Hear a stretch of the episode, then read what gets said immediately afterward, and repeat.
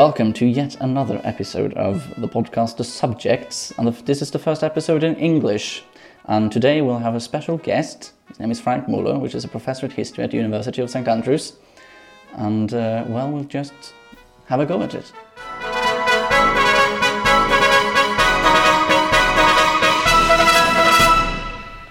Well, first I have to introduce you, Yeah. Frank Müller. Yeah, Thank you very much for wanting to guest the podcast. pleasure to be here. Thank Yeah, thank you. You are a professor of history at the University of St Andrews. And what is your field? I am uh, a historian of 19th century Europe, Yes. um, and I'm interested in what historians call the long 19th century, so the period that starts with the French Revolution and to some extent ends either in 1914 or in 1918 with the, the Great War.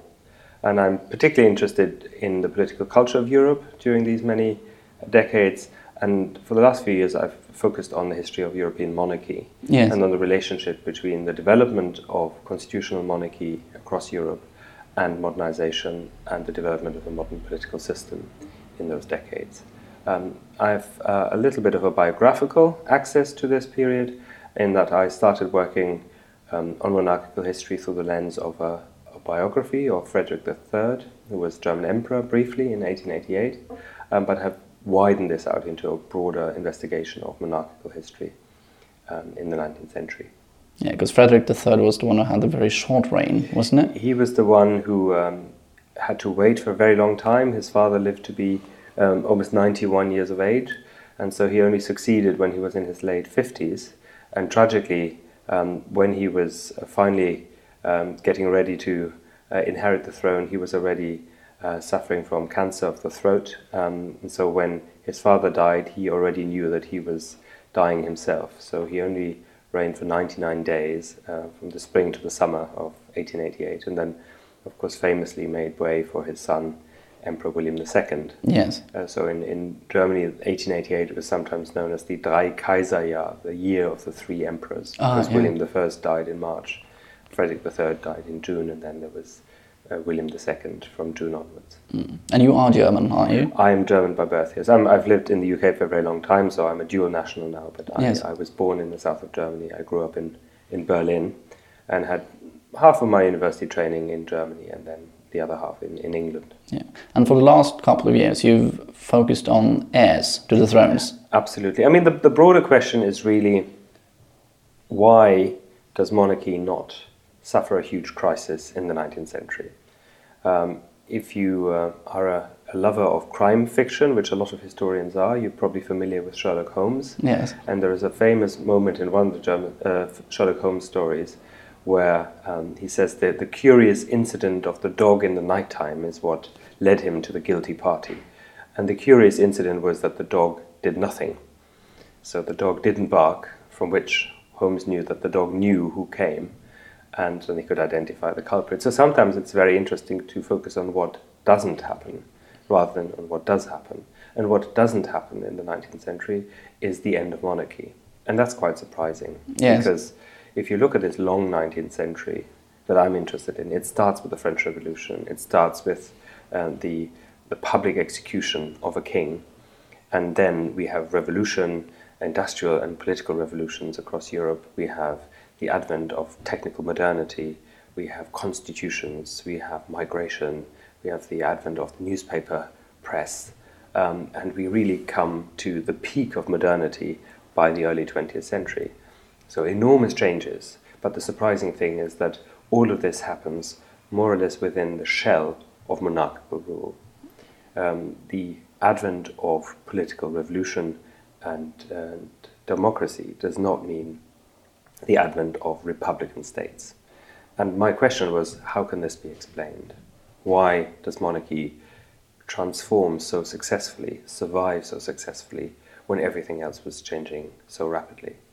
And one of the areas I wanted to investigate is what contribution is made to the survival and adaptability of monarchy by a resource that only monarchical structures, dynastic structures have, i.e., that there is always the next generation known, ready, being shaped, being presented. This is something that republican systems don't have, but monarchies do.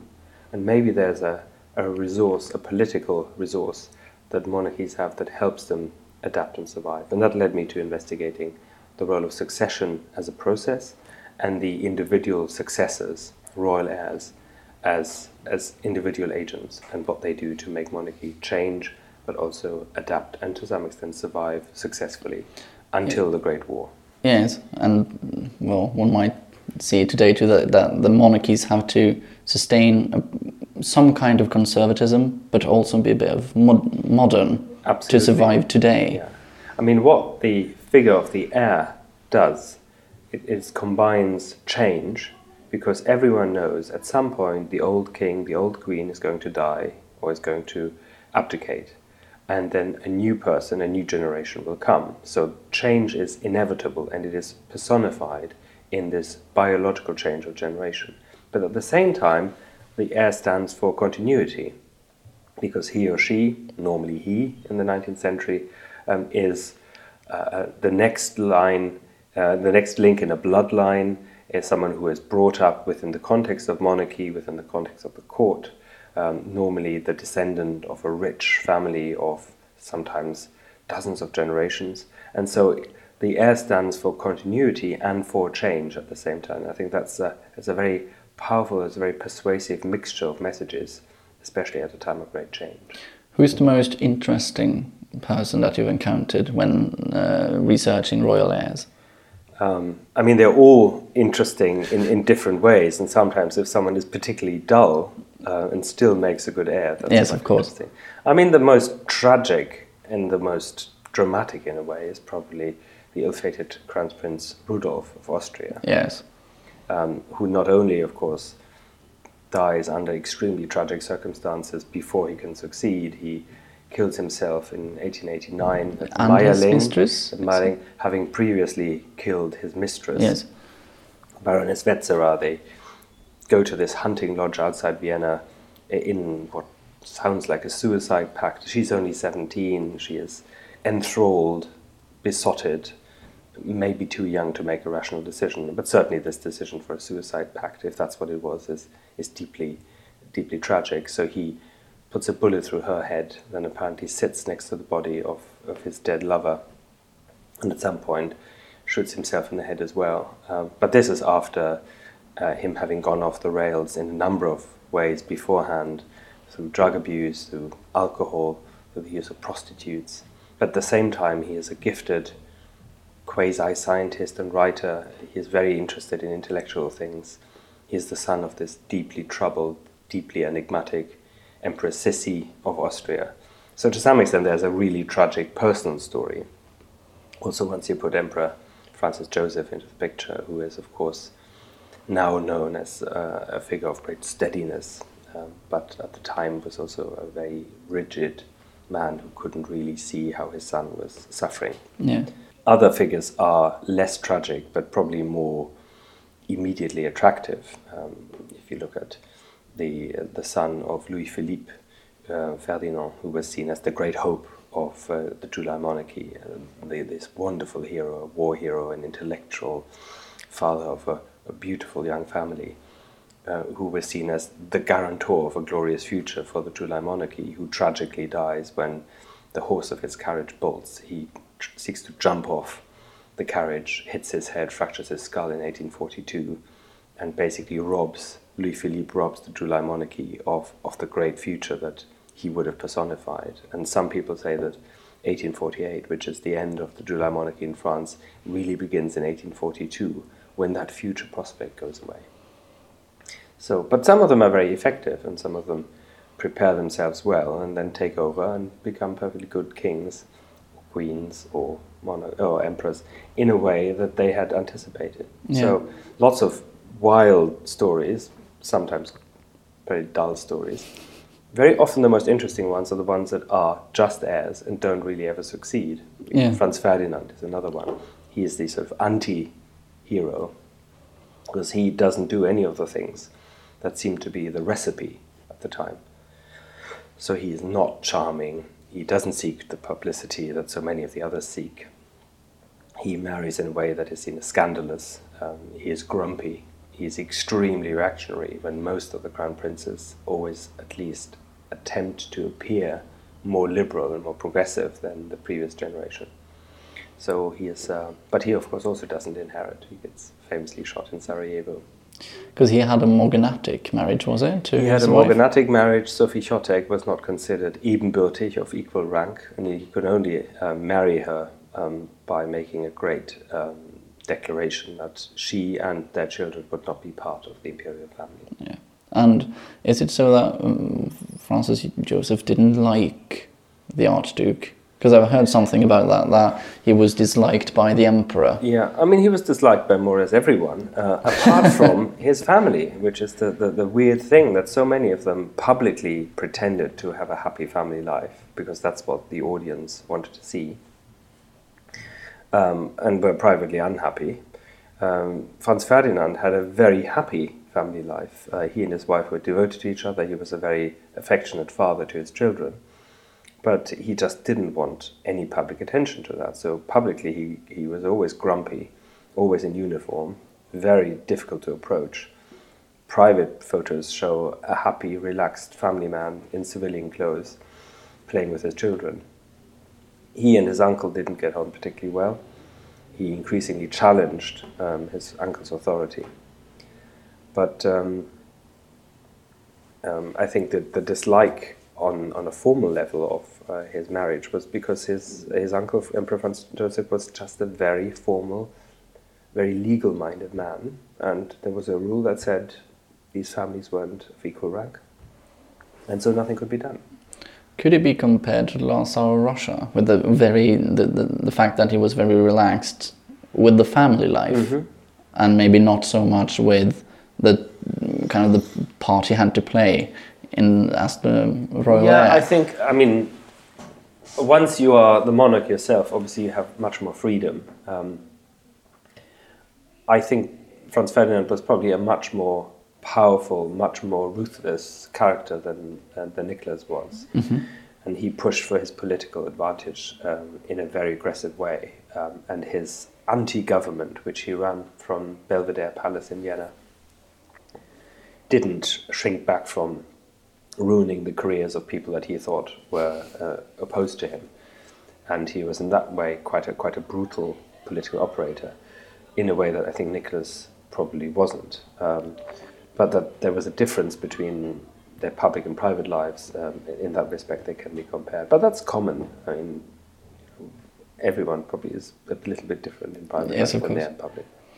Yeah, because there was a lot of an- anti-German sentiment, uh, especially in Northern Europe, at, at the time of Kaiser Wilhelm, Yeah. after a lot of these um, annexations. Yeah.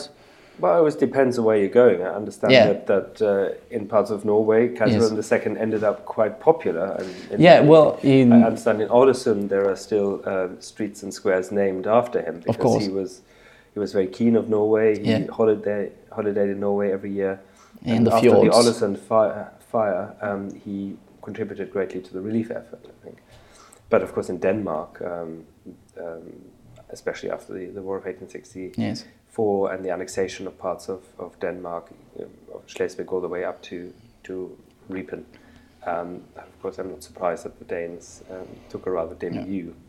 Also, I thought primarily the royal family. Of course, du- during the in the population, Kaiser Wilhelm was very popular, and he also gave a huge statue of uh, Harold Hairfair, Yeah. I think, Yeah. to Yeah, one of the places he um, normally Yeah. um, visited. Yeah. yes Yeah, visited. yeah. But of course, I mean, the Danish royal family, of course, is also of German extraction. Yes. um, but of course, they had to Danicize themselves Yes. um, very quickly. Yeah, And then, of course, with the, the children of Christian IX um, marrying into the royal houses of Europe, there's a sort of story about female influence that uh, was Edward VII in Britain was one of the reasons he was so uh, antagonistic towards his uh, his nephew was that uh, not only that he and his nephew didn't get on, the Kaiser and the King of England, but also that Alex, of course, uh, uh, as, as a Danish princess, had every reason to be uh, very wary of, of, uh, of what the Germans were up to. yes. I mean, I need to recall that Queen Victoria said before that marriage that we will take the bride, but not the politics. That's always the problem, um, because uh, obviously her eldest daughter was married to Frederick III and therefore was the mother of William II. Um, and during the 1864 and 1866 wars, there was a little bit of a division, you know, amongst the sisters as well. Yes. Um, who supported whom? But um, Yeah. And Queen Victoria was, of course, a Princess of Hanover, wasn't she? Or at least in name was. Uh, Well, her, of- through her father, she uh, is part of the Hanoverian line. Yeah. Her father, Duke of Kent, um, obviously is a descendant of, of the Georges and therefore goes back to Hanover. And through her mother, of course, she is uh, linked to the Thuringian um, and Coburg dynasties. And then she married Prince Albert, who was, of course, entirely German and Thuringian. So um, um, by that particular time, um, the British royal family was uh, genetically uh, or dynastically entirely German. Yes, which mm, was a problem during the First World War. It was a problem. I mean, they had obviously gone a long way towards uh, becoming very British. Yes, of then. course. I mean, and this was ironically uh, an idea that to some extent starts with Prince Albert, uh, who is extremely German in, in every way, but he realized that one of the ways in which the um, crisis of monarchy in Britain after the Georges and then uh, King William should be addressed is a through um, making the royal family um, an example of good family virtue by making the, the monarchy as apolitical as possible, or at least as a party political as possible, but also by emphasizing how British they were. And uh, by British, they meant not just English, but they also, obviously, the whole Balmoral and Scottish connection started uh, to be really intensified with him after initial moves uh, under King William. So um, by the time of the First World War, they had gone a long way, but they still felt the pressure to change their name, for example, to, to Windsor. Um, That was in 1917, in was it? 1917, the name change, and the, the first Sea Lord, of course, um, who was a, a relative of the, the Battenberg family, Yeah. he had to, uh, even though he was a, a fine naval officer, there was no question about his loyalty, he had to resign because it just didn't look right for the British Navy to be uh, commanded by someone who was a Prince von Battenberg. Yeah, because that was the father of Louis, of Yeah, Louis Louis Mountbatten. Dickie Yeah, Mountbatten. exactly, yeah. Which was why he was so eager to get that Absolutely. role his, himself. he wanted to, as it were, compensate for the uh, the dishonor and the disappointment that was visited on his father. So, but I mean, note that from Battenberg he turned into Mount Mountbatten. Yes. So, make it easy on the ear. Yeah, especially in England. Yeah. In terms of how they behaved, I mean, there is a, a problem that um, a canon of virtues, very often referred to as bourgeois virtues, to do with probity of life and thrift and uh, educational attainment, and meritocracy, but also fidelity in marriage, the idea of a, of a monogamous, faithful relationship. That became so important that in order to uh, continue to attract the, uh, the love and support of the population, royal families felt that they had to play along with this, actually lead in this. Um, so that's all fine and dandy, but um, only really if you're then also allowed to find the woman you love, the man you love, and then marry them.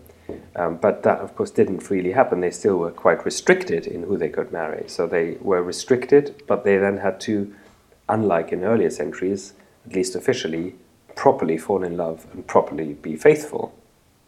Now, in the 18th century, it was clear that marriages were dynastic and that the king had lots of uh, lovers and, and maitressen.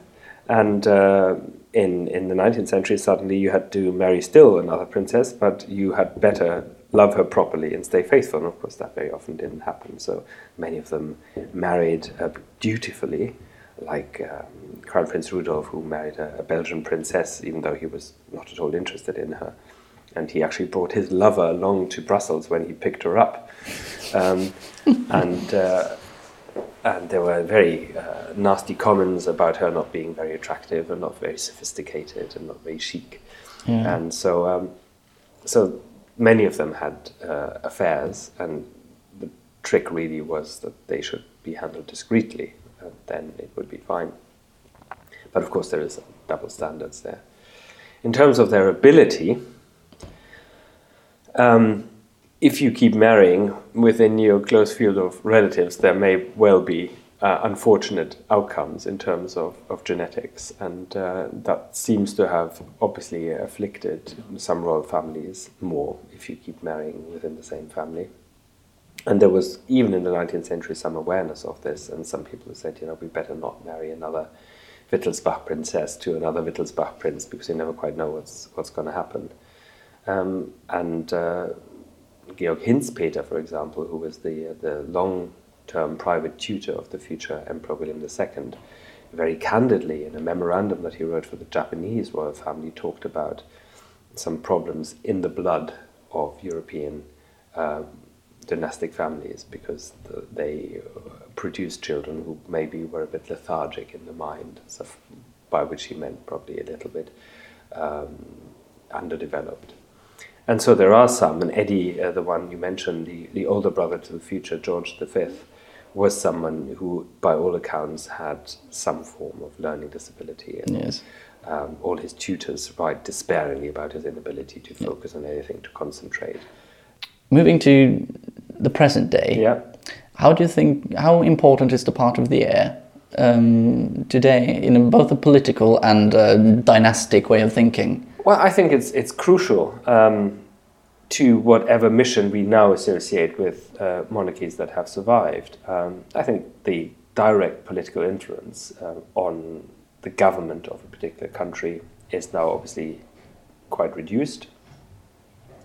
But in terms of uh, the soft power that monarchies still exercise and that they use, A, to defend their own status and defend their own role and privileges, and also that they put uh, to use when they come to push for certain things, normally charitable causes or environmental causes.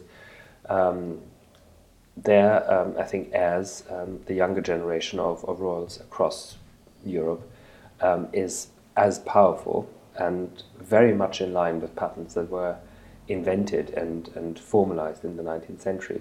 So, most recently, in the British case, for example, we have this joint um, video that uh, Prince William and Prince Harry and their wives made to support mental health initiatives.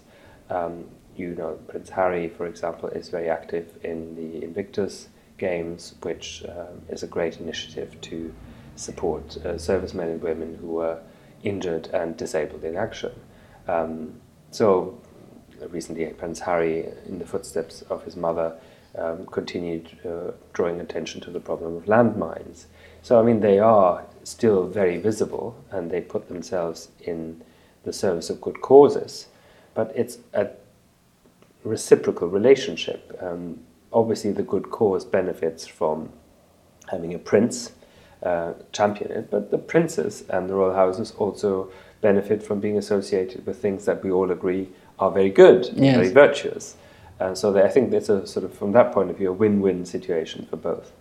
And what the younger generation, of course, can do is it can pick up on concerns that are of that generation and basically convey to people in their 30s, in their 20s, that uh, the royal family is not just uh, about a 90 plus year old monarch and her 70 plus year old son, but so old people, our generation, um, but there is a level generationally that I can identify with. So, for example, in the British case, which I uh, now know best for the contemporary world, um, a very old generation that still associates uh, strongly with the ideas of the Commonwealth, the Second World War, with uh, a set of values and, and forms of behavior, they can focus on the Queen and her generation and admire her for the many decades of service and her, her spirit a younger generation, maybe who are now middle aged, who grew up being very worried about the first wave of environmental concern, can identify with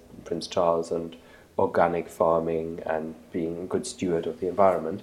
And younger people still can look at the more up to date cases and causes that are supported by the current generation of princes. And I'm sure in 10 years' time we'll have Prince George um, leading on something that is then the concern of the day. And that's, that's just the way it works, and that's yes. the way it anchors the royal family, past, present, and future, in hopefully, from their point of view, the goodwill and affection of the population that sustain them. Yes, and environmental concerns are like the only kind of political thing they could do. Yeah. As we, which is in Norway, for example, is a problem because one of the political parties of Norway are still saying that environmental change are not human caused. Yeah, I mean they do it in, in a very broad way. Yes, of course. They, they rarely leave the broad consensus, and I think there's some others. I mean, obviously the close association with the military, um, and you can then broaden that a little bit from being about military as a traditional and and and uh, strong fighting force to looking at uh, how people look after soldiers when they are injured, about mental health in, in service personnel, about physical impairment in service personnel. These are all relatively uncontroversial topics. Uh, if you look at Prince William's, excuse me, career as a, uh, a, pilot of a rescue helicopter, again, you know, these are sort of modern heroes. Yes. And if you give uh, the heir to the throne the opportunity to fly a helicopter and pick people in distress off mountains or to fly uh, injured people from car crashes to hospitals, you know, what greater role for a future king than to save lives and come there as a hero out of the sky, you know, and and there will be people who say it was it was the king who saved me at the time, you know. Uh, if that doesn't build loyalty to the monarchy, what, what does? yes, but uh, Prince Charles Mm-hmm. had had some, wouldn't call it controversies, but some. Well, he's been he's been involved in politics that he shouldn't have been. yeah.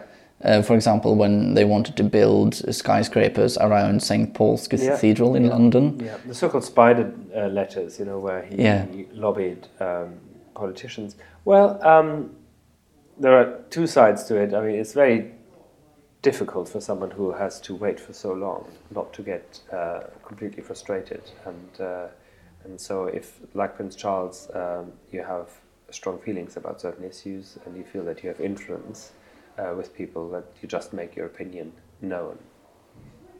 I think uh, he was probably ill advised to do it at the time, um, but he did it discreetly, and whether his advice was in any way followed, I think, is a different question. Um, it's unfortunate for him that it should have been leaked afterwards, but to be entirely uncontroversial is very difficult. Um, Yes, of as long course. as you have any opinions, uh, someone will disagree with those opinions, and some people, of course, will disagree with the idea that uh, members of royal families should have any influence at all. Maybe even that there should be members of royal families. But um, on the whole, I think um, the, the monarchies of, of, of Europe, um, Scandinavia, and the Low Countries have, on the whole, succeeded quite successfully to um, find a role that um, is broadly considered beneficial and benevolent and not overly political. In Spain, of course, especially in the earlier years of, of Juan Carlos, that was uh, more difficult because the monarchy really was much more um, political in, in helping to transition the country from the Franco regime to, to modern democracy. In, in Belgium, in particular, you had some issues that arose from the very firmly held religious views of um, some of the kings of the Belgians. Um, Especially Albert II, wasn't it? Who I, I recall that one of the kings had to time, I think, surgery very carefully so that he would be uh, knocked out and uh, in hospital for the time when I think an abortion law. Yes, he was. Um, Passed. he was considered unfit to rule Exactly. exactly at the time when that law to was to be passed. circumvent um, certain issues. And I mean, most recently um, in, in uh, British politics, it was the question of the prorogation of Parliament, which is an act that is officially, at least, um, uh, authorized by the Queen, Yes. uh, who has very little choice. But of course, something happened in her name that was later found to be unlawful. Yeah. Um, That so was a big thing in Norway, actually. That Yeah, Boris Johnson yeah. fooled the Queen.